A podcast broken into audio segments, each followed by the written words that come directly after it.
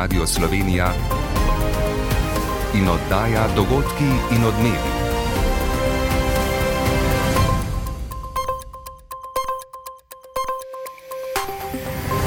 Ura je 15 in 30 minut. Dobar dan. Kakšni bodo prvi koraki reševanja zdravstvene krize? Predloge bo prihodnji teden predstavil na novo ustanovljeni strateški svet, v luči kadrovskih težav pa kot eno izmed rešitev navajajo povečanje opisa na obi medicinski fakulteti. Pristojni ocenjujejo, da lahko izobraževalni sistem tisoč zdravnikov, kolikor jih zdaj primankuje, izobrazi v osmih letih. Istok takat z Mariborske medicinske fakultete pravi, da je storjen korak naprej, a ob tem opozarja na prostorsko stisko. Naša fakulteta je grejena za 100 pisnih na leto, imamo še pa 35 podiplomcev, pa še 25 dentalcev, pravi smo na številki 185 in zadeve so kritične. Več čez nekaj trenutkov v oddaji pa ne preslišite še. Na vzhodu Ukrajine siloviti spopadi za mesto Vulgedar. V Cerknem se spominjajo partizanske smočine, edinstvenega dogodka med drugo svetovno vojno prvi smučarski poleti sezone, po polovici tekme domen prevc le za Norvežanom Granerudom. Danes še po večini oblačno, jutri delna razjasnitev. Z vami sva Eva Longika Marušič in Katja Kotnik.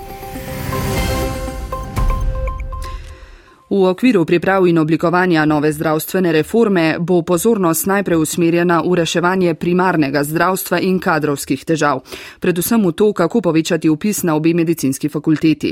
Kot je pa včerajšnji ustanovni sej strateškega sveta sporočil predsednik Erik Brecel, bodo o prvih predlogih razpravljali že prihodnji teden. V studiju se mi je za nekaj pojasnil pridružila Snežana Iljaš. Pozdravljena. Dobr dan, želim. Snežana, kaj lahko torej pričakujemo prihodnji teden? Bodo v novem šolskem letu že povečali upis na medicino?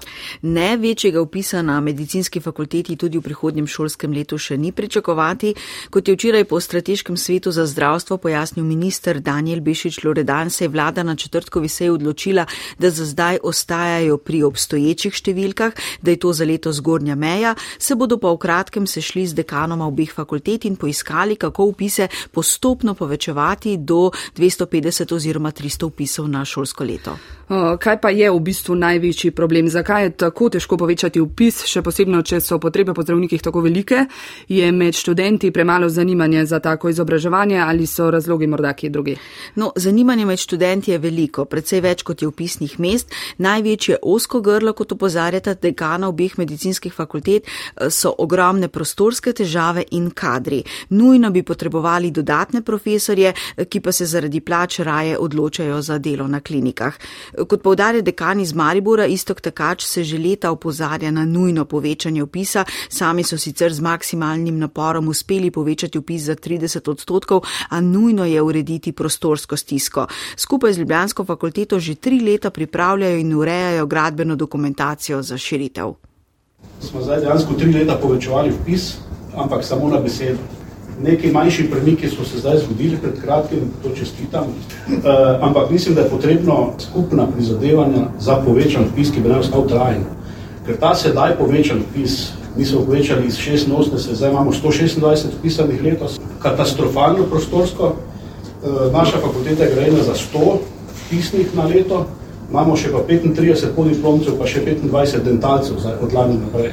Se pravi, smo na številki 185. Eh, in zadeve so kritične.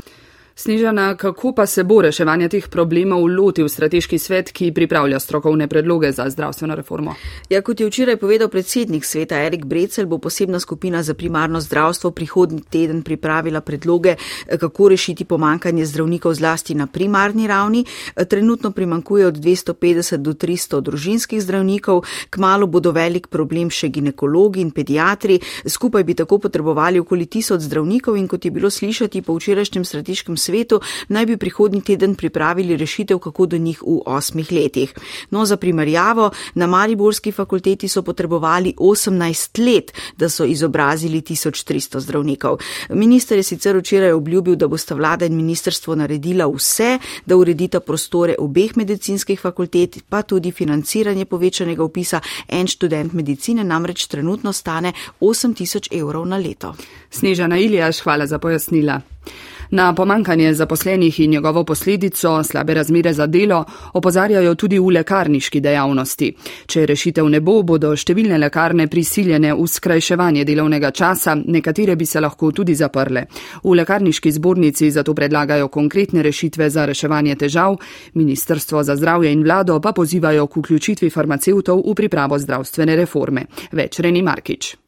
Farmacevtka zaposlena v gorenskih lekarnah Patricija Dolinar je v lekarniško delo stopila z misijo, da bo svoje znanje na temeljit in poljuden način predajala pacijentom. A kaj ugotavlja po šestih letih dela?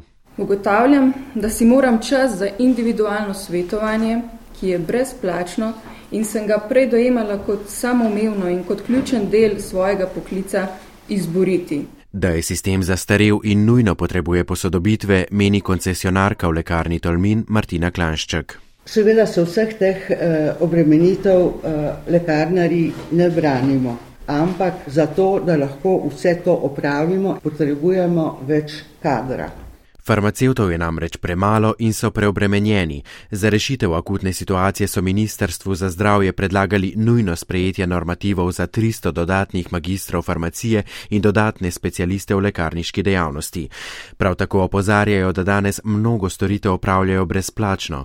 Predsednica lekarniške zbornice Darja Potočnik Benčič. Torej, storitve, vse nove preomenjene in te, ki jih zdaj izvajamo brezplačno, morajo biti definirane, ovrednotene in financirane, da lahko zagotovimo potrebni kader. Skrajševanje delovnega časa in zapiranja lekarn si seveda ne želijo, bodo pa to primorani, če dodatnega kadra ne bo. Ker podobno kot v ostalih segmentih zdravstva, tudi v lekarniški dejavnosti sistem hromi administracija, ministra za zdravje in vlado pozivajo naj lekarniško dejavnost vključi v pripravo novih strategij v zdravstvu. Dogodki in odmevi. Poglejmo na tuje. Na vzhodu Ukrajine se nadaljujejo spopadi med ukrajinsko vojsko in ruskimi silami. Z območja mesta v Ugledaru v Doniški regiji, na katerem ruske sile poskušajo prebiti frontno črto, poročajo o silovitem obstreljevanju. Več Blašer Minc. Ukrajinske oblasti, ki so v pričakovanju večje pošiljke zahodnih tankov, priznavajo, da so razmere na vzhodu države zelo težke. Kljub temu v Kijevu zatrjujejo, da bitka za mesto Vugledar še zdaleč ni odločena. V tem mestu je pred vojno živelo približno 15 tisoč prebivalcev, zdaj so od njega ostale predvsem ruševine. Ruska ofenziva na Vugledar sodi v okvir vojaškega cilja Moskve po prevzemu nadzora nad celotno Doneško regijo. Nedavno je ruska vojska v tem delu Ukrajine skupaj z zloglasno najemniško skupino skupino Wagner po hudih bojih zauzela mesto Soledar. Po trditvah sekretarja Ukrajinskega varnostnega in obramnega sveta Oleksija Danilova se Moskva v prvi obletnici agresije na Ukrajino 24. februarja pripravlja na novo ofenzivo. Do takrat pa si želijo utrditi razmere na terenu. V Ukrajini je na večdnevnem obisku visoki komisar Združenih narodov za begunce Filippo Grandi. Danes je v Mikolajevu na jugu države upozoril na trpljenje ljudi, ki ustrajajo na območju spopadov.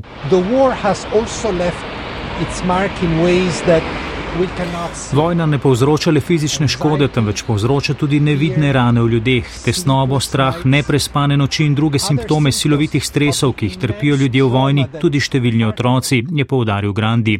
Po podatkih Visokega komisarijata za begunce je sicer Ukrajino zapustilo 8 milijonov njenih prebivalcev, več milijonov Ukrajincev pa je še vedno notranje razseljenih.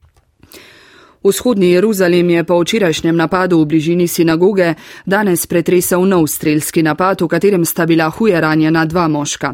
Policija je sporočila, da je napad izvedel 13-letni palestinec, predstavnik policije Dean Elsden. Kot je dejal, so napadalca, ki ga policija označuje za terorista, ustrelili civilisti v bližini, ki naj bi imeli dovoljenje za streljno orožje. Odpeljali so ga v bolnišnico. Kot je še dodal, Izrael ne bo dovolil terorističnim organizacijam, da zlorabljajo otroke in mlade za doseganje svojih ciljev. Na občutni porast nasilja bo izraelska policija odgovorila odločno in profesionalno, je še zagotovil. Novi strelski napad se je v vzhodnem Jeruzalemu zgodil dan po streljanju v bližini tamkajšnje sinagoge, v katerem je 21-letni palestinec ubil sedem ljudi, potem pa ga je policija po zasledovanju ubila.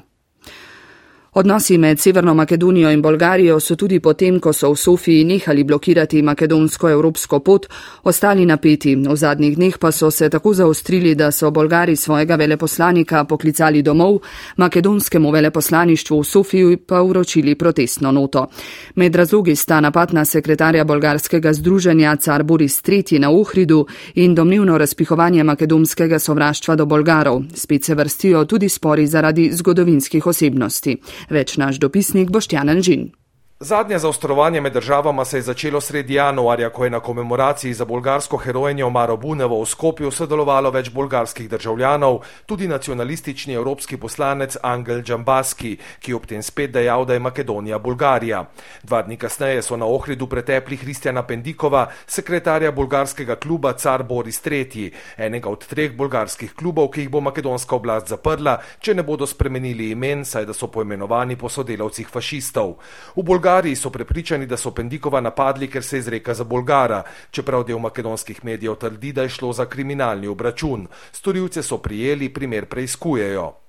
Tam ima prestopljanje avtomraza, koji to Zločine iz sovraštva do Bolgarov kaznujejo minimalno ali jih sploh ne, kar ustvarja vzdušje, ko imajo ljudje občutek, da lahko ostanejo nekaznovani, kar pa nasilje le še vzpodbuja, pravi Nikolaj Milkov, bolgarski zunani minister v odstopu.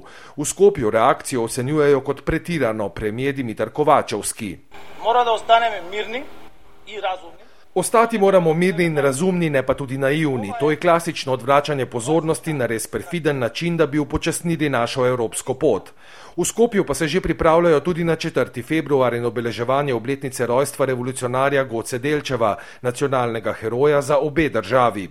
Predsednik Pendarovski, prepričan, da so organizatori protimakedonske kampanje v Bolgariji povezani z Moskvo, je od vlade zahteval, da prepove prihod več bolgarskim državljanom, ki zanikajo in žalijo makedonski narod. Ob tem pa se makedonska vladajoča koalicija muči z zbiranjem dvotretinske večine za spremembo ustave. Bolgarija namreč zahteva, da pred začetkom pogajanj v njo upišajo bolgarsko manjšino. V Bolgariji ustrajajo, da so makedonski jezik, kultura, identiteta le različice bolgarskih in grozijo z novimi blokadami. Odnosi se praviloma vedno zaostrijo pred volitvami, v politično razklani Bolgariji pa gredo prebivalci 2. aprila na predčasne volitve in bodo volili že petič v dveh letih. Na Češkem so se ob 14. zaprla vrata volišč, na katerih so včeraj in danes v drugem krogu volitev izbirali predsednika države. Za položaj sta se podogovala nekdanji načelnik generalštaba Češke vojske Peter Pavel in nekdanji premijer Andrej Babiš. V skladu z izidi predčasnih volitev naj bi zmagal Pavel. Temu so napovedovale prednost tudi javnomnenjske raziskave pred volitvami. Po preštetih glasovih na polovici volišč je Pavel dobil skoraj 55 odstotkov, Babiš pa nekaj več kot 45. Po močnem deževju, ki je zajelo Novo Zelandijo, so po podatkih policije umrli trije ljudje, enega pogrešajo. V Aucklandu s približno 1,6 milijona prebivalcev so razglasili izredne razmere, potem ko so tam zabeležili rekordno količino padavin. Mesto je danes že obiskal novi novozelandski premijer Chris Hipkins. Povdaril je, da je prednostna naloga zagotoviti varnost prebivalcev. Letališče v Aucklandu, ki je največje v državi, bo najmanj do jutri zaprto za vse mednarodne lete. Vremenoslovci opozarjajo, da se bo deževje še nadaljevalo. V oddaji se bomo odpravili tudi na bele strmine. Na smočišču Cerkno so se danes zbrali pripadniki borčevskih in domoljubnih organizacij, ki v spomin na partizanske smočine leta 1945 tekmujejo v vele slalomu in teku na smočeh. Pogledali bomo tudi v Črno na Koroškem, v kateri poteka osrednji del prireditve Gradovi kralja Matjaža. Pri graditvi snežnih gradov sodeluje 30 ekip, ki jim ne manjka iznajdljivosti. Grad bomo naredili v obliki glave od kralja Matjaža on bova otroški, to bo ga na malo animirali tudi otroke. Naša skrivnost je, da smo si pripravili folijo zraven, katera zelo lepo drsi po snegu. V prispevku o športi o prvi letošnji tekmi smučarskih poletov. V Kulmu se je že začela druga serija, v kateri se slovenci potegujejo za najvišja mesta. Doman Prevc bo lovil zmago z drugega mesta po prvi seriji. Vse bliže smo največjemu športnemu dogodku tega leta, ki ga bo konec februarja in v začetku marca gostila Slovenija. To bo svetovno prvenstvo v nordijskem smučanju. V zadnjih dneh so v planici na igrah Evropske mladine nastopali mladi skakalci in kombinatorci, prireditelji svetovnega prvenstva pa so v zadnjih dneh utrdili še nekaj pomembnih naves, predvsem glede čezmejnega sodelovanja in tudi pri turističnem deležu bleda pri prvenstvu v planici. Več pa dare Rupar. Turistični delavci in prireditelji vseh športnih tekmovanj v Zgornje Savski dolini se že po pravilu obrnejo tudi na svoje poslovne partnerje v Avstriji in Italiji. Običajno pa s svojimi turističnimi zmožnostmi na pomoč priskoči tudi Bled, ki je običajno najpomembnejše to vrstno zaledje ob obiskih biatloncev na pokljuki. Blejski delež bo močan tudi ob nordijskem prvenstvu. V Beljaku in Trbižu pa bo nastanjen tudi lep del reprezentanc, kjer pri logistiki potovanj nam ne sme priti prav do nobenih zastojev. Sodelovanje treh dežel je res utečena pot sodelovanja, brez katerega ne gre niti ob tako velikem tekmovanju, kot ga v tem delu naše države še ni bilo. Tudi o tem generalni sekretar organizacijskega odbora Planica Tomaš Šuštršič že v procesu pridobivanja te kandidature sta obe mesti, tako Beljak v Avstriji kot Trbiš v Italiji, pristopila k temu projektu. Sicer nekoliko zahtevnejša logistika, to sodelovanje si tudi tu obetam, da bo vse potekalo brez težav. V naslednjih dneh še nekaj sestankov tudi s pristojnimi službami, da bo tudi ta relativno zahtevna povezava preko korenskega sedla tudi v kakšnih manj prijetnih vremenskih razmerah normalno prevozna in da bodo vsi deležniki tega prvenstva normalno prehajali meje. Tudi včerajšnje druženje v celo Trnovcu, kjer so utrdili gospodarsko sodelovanje, je minilo optimistično. Ob Vrbskem jezeru si turistični delavci tudi ob planiškem dogodku manejo roke. Mar si kdo pri nas primerja tudi cene in je presenečen, ampak to je seveda strategija posameznih okolij. Tekmovanju je močno naklonjen tudi koroški glavar Peter Kajzer, ki je znova pobudnik tudi zimskih olimpijskih igr treh dežel. Že v torek pa bo svojo vključenost predstavilo tudi novo ministrstvo za za gospodarstvo, kamor zdaj spada tudi šport. Kot je zdaj že pravilo, pa je pri športnih dogodkih vse bolj aktivna tudi slovenska turistična organizacija. Na smočišču Cerkno so se danes v spomin na partizanske smočine leta 1945 predstavniki borčevskih in domoljubnih organizacij pomirili v vele slalomu in teku na smočeh. S številno udeležbo so znova dokazali, da ohranjajo spomin na enkratni športni dogodek med drugo svetovno vojno, prve organizirane partizanske smučarske tekme sredi takratne okupirane Evrope. Na Cerknem je bila tudi Nina Brus. Po sinočni slavnostni akademiji danes še tekmovalni in družabni del spominske prireditve partizanske smučine. O pomenu tega zgodovinskega športnega dogodka pred 78 leti predsednik organizacijskega odbora spominske prireditve polkovnik Miha Butara. Poglejte, neverjetno je, eh, da je prišlo do zamisli izpeljati takšno smučarsko tekmovanje sredi okupirane Evrope, ker so posod divjali veliki boji ko se je šlo dobesedno za preživetje. Tako imenovane partizanske olimpijske igre so dale tekmovalcem in gledalcem novih moči in upanja. Zato, da se je v naslednjem obdobju, zelo kratkem času, pripeljalo do zmage nad nacizmom in fašizmom v Evropi. Treba se je spominjati vseh, ki so dali življenje za mir in svobodo, je v nagovoru povdaril predsednik Zveze slovenskih častnikov general major Dobran Božič. Župan občine Cerkno Gašper Uršič pa je izrazil željo, da bi spomin na dogodek in njegovo sporočilo prenesli tudi na mlajše generacije. Tako da upam, da bomo v prihodnih letih samo prireditev lahko nadgradili tudi s kakšnimi drugimi aktivnostmi. Spominskega tekmovanja se je tokrat udeležilo več kot 300 udeležencev. In zakaj so se odločili sodelovati? Sam sem veteran vojne za Slovenijo, oče, ki je že letos preminil, je bil partizan, se pravi borc. Tako da imamo v družini nekaj spoštovanja do spomina te vrednot narodno-smodilne borbe.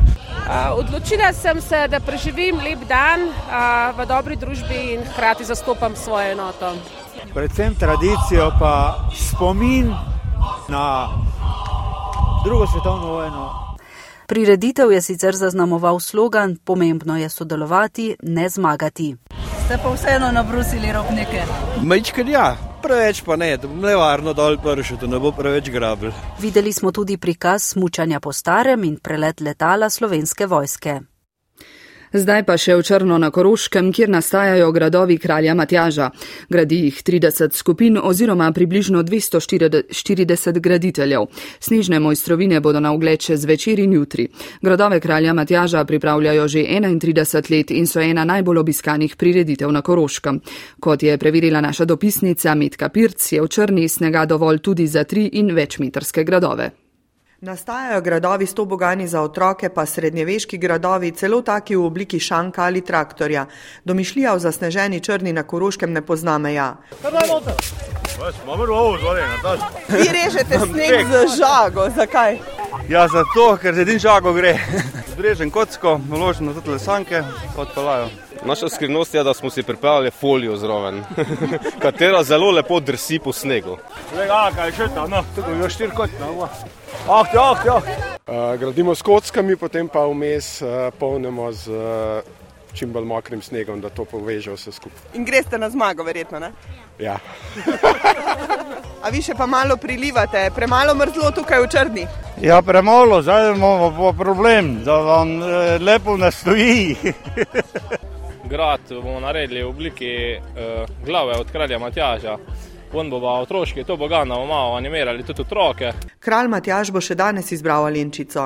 Najbolj glavne kriterije to je prelenčice, pa moja kuha, kako kuha, če je pridna. In pravi, da jim bo verjel na besedo. Z obilico snega in obiskovalcev je zadovoljna tudi županja Črne Romana Lesjak. To je turistični produkt, vsekakor prinašajo neko prepoznavnost. In tudi kralj Matjaš je navdušen. In vidim, da je tak živ žel, da je res.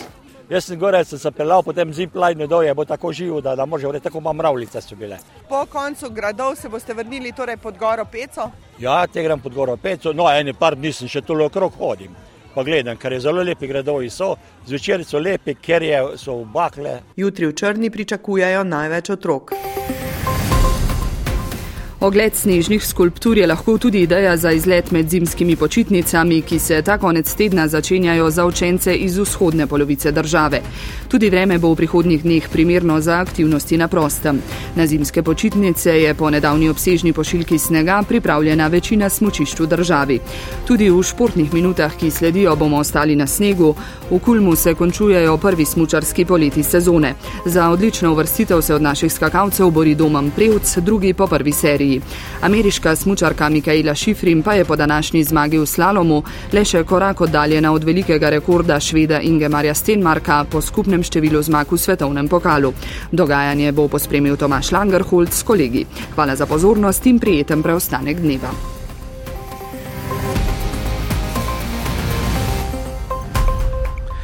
Smučarski skakalci na Kulmu tekmujejo na prvi tekmi svetovnega pokala v poletih. Vključujemo se na naš drugi program, kjer tekmovanje spremlja Boštjan Rebršak. Smo na Kulmu v pričakovanju razpleta finalne serije današnje tekme uvodne v letošnji sezoni svetovnega pokala smučarskih eh, poletov. V vodstvu pred zadnjo deseterico Timi Zajc 21 točk ima prednosti pred Markusom Eisenbichlerjem. Na drugem mestu eh, je torej Nemec na tretjem David Kubacki na četrtem Marius Lindvik in na petem Anžela Nišek, ki bo zaokrožil najverjetneje 15 terico ob koncu današnje tekme, še deset najboljših pa je na vrhu. Aleksandr Zniščol z Polske bo začel zadnjo deseterico, končal jo bo Halvo Regner, Granerut vmes, še nastopa Žiga Jelerja po prvi seriji bil na petem mestu in Domna Prevca, ki je bil na drugem. Dobra finalna serija slovenskih tekmovalcev. Lovro Kos je pridobil 10 mest, 233 metrov in pol v finalu, nekaj mest je izgubil Žak Mogel, navdušen je tudi pri Anžetu Laniško, ki je pridobil dve mesti, še vedno pa je vodilni po prvi seriji 13. Timi Zajc, ki je torej pred zadnjo deseterico najboljših v najboljšem položaju, medtem ko seveda Žiga Jelar in Dom Prevc še čakata na svoje poleta in sta prav tako v izvrstni formi. Čakamo na razplet današnje tekme v pričakovanju tudi nove slovenske vrstitve na zmagovalni odr. Že štiri tekme slovenci niso bili na zmagovalnem odru, prej je za vse poskrbel z devetimi vrstitvami med najboljše Anže Lanišek. Športni dogodki na zimskih prizoriščih so se danes začeli s tekmama v alpskem smučanju. Zmag sta se razveselila najboljša smučarja svetovnega pokala v tem trenutku.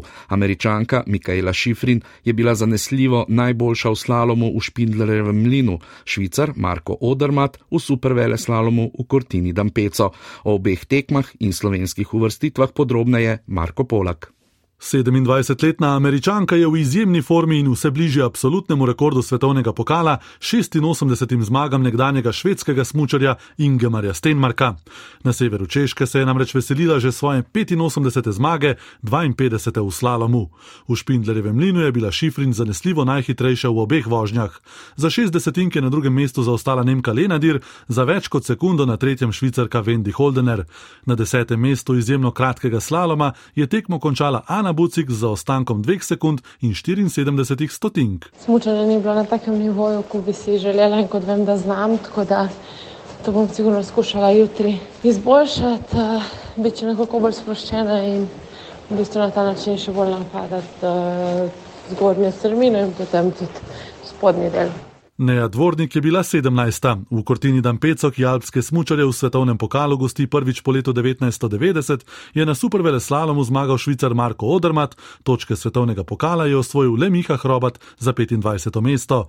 Jutri bo na prizorišču še en supervele slalom, na češkem slalom.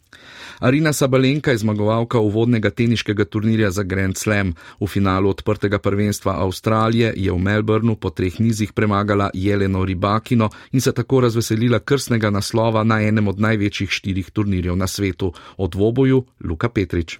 Odličen tenis na obeh straneh, veliko izjemnih udarcev, igralk, ki gojita podobno igro, zelo močno in natančno igrata z osnovne črte.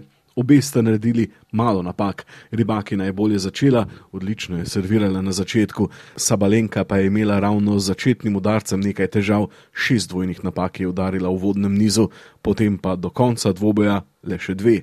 Belorusinja je zatrdila, da je sredi dvoboja spremenila svojo taktiko, več je igrala na forehand tekmice, skušala je vršiti čim več pritiska na njen servis, zatem je začela prevladovati, drugi niz je dobila na tri, v tretjem pa oduzela servis pri tri proti tri, potem pa v napeti zadnji igri izkoristila četrto zaključno žogo. tennis was great. I'm really happy that it wasn't easy match, you know. Sabalenka je rekla, da je Ribakina odigrala odličen dvoboj, da je bila raven tenisa visoka, srečna pa je bila, da je bila zmaga prigarana, ne pa lahka. Na svetovni lestvici bo spet druga igralka sveta, Ribakina pa bo prvič med deset. V polfinalu svetovnega rokometnega prvenstva je Danska 26 proti 23 premagala Španijo, Francija pa z 31 proti 26 Švedsko. Petek je bil zadnji večer na Polskem, preostale štiri tekme turnirja bo gostil Stockholm. Več Urož Vovk. Danska je že izenačila rekord Švedske s tremi zaporednimi finali na svetovnih prvenstvih. Bengan Boys so takrat osvojili le en naslov prvako ob celo šestih zaporednih polfinalih. Danska že ima dva zaporedna, tretjega ni uspelo osvojiti še nikomur. V sinočni tekmi Španijo so branilci naslovov vodili vse čas. Landin je imel znova sjajen večer. Trio zunanih igralcev Pitlik, Hansen in Gicel, 15 podaj in skupaj s krožnim napadalcem Saukstrupom golom 18 golov. Pri Špancih ob vratarju De Vargasu razpoložen le Aleks Dušebajev. Močno oslabljeni švedski, zaradi zlomljenega prsta je manjkal prvi mož Jim Gottfriedson, ni pomagalo niti 19 tisoč gledalcev v Stokholmu. Zmage Francije niso resneje ogrozili. Olimpijski prvaki sicer brez Nikole Karabatiča in tudi Brijeja, ki sta vprašljiva za finale. 30 let po prvi medalji Francije na svetovnih prvenstvih lahko uspeh očetov Pascala in Jacksona zaokrožita sinova Kentan Maje in Melvin Richardson. Francija je v skupno sedmih finalih izgubila le leta 93, preostalih šest pa dobila. Za končno peto mesto bosta igrali Nemčija in Norveška, za sedmega Egipt in Mačarska. Na mednarodnem dvoranskem atletskem mitingu v nemškem Karlsruhu je sinoči v teku na 800 metrov zablestela Anita Horvat, ki je zmagala s časom 2.0044, kar je trenutno najboljši letošnji izid na svetu. super začetek sezone. Um, vesela sem, da imam zdaj vodilni rezultat na svetu. Moram reči, da je bilo včeraj kar malo stresno, nisem vedela, kaj ne pričakujem od tekme. Bila je prva tekma, v dvorani sem še nekako malo zmedena, ne znajdem se še čist najboljš.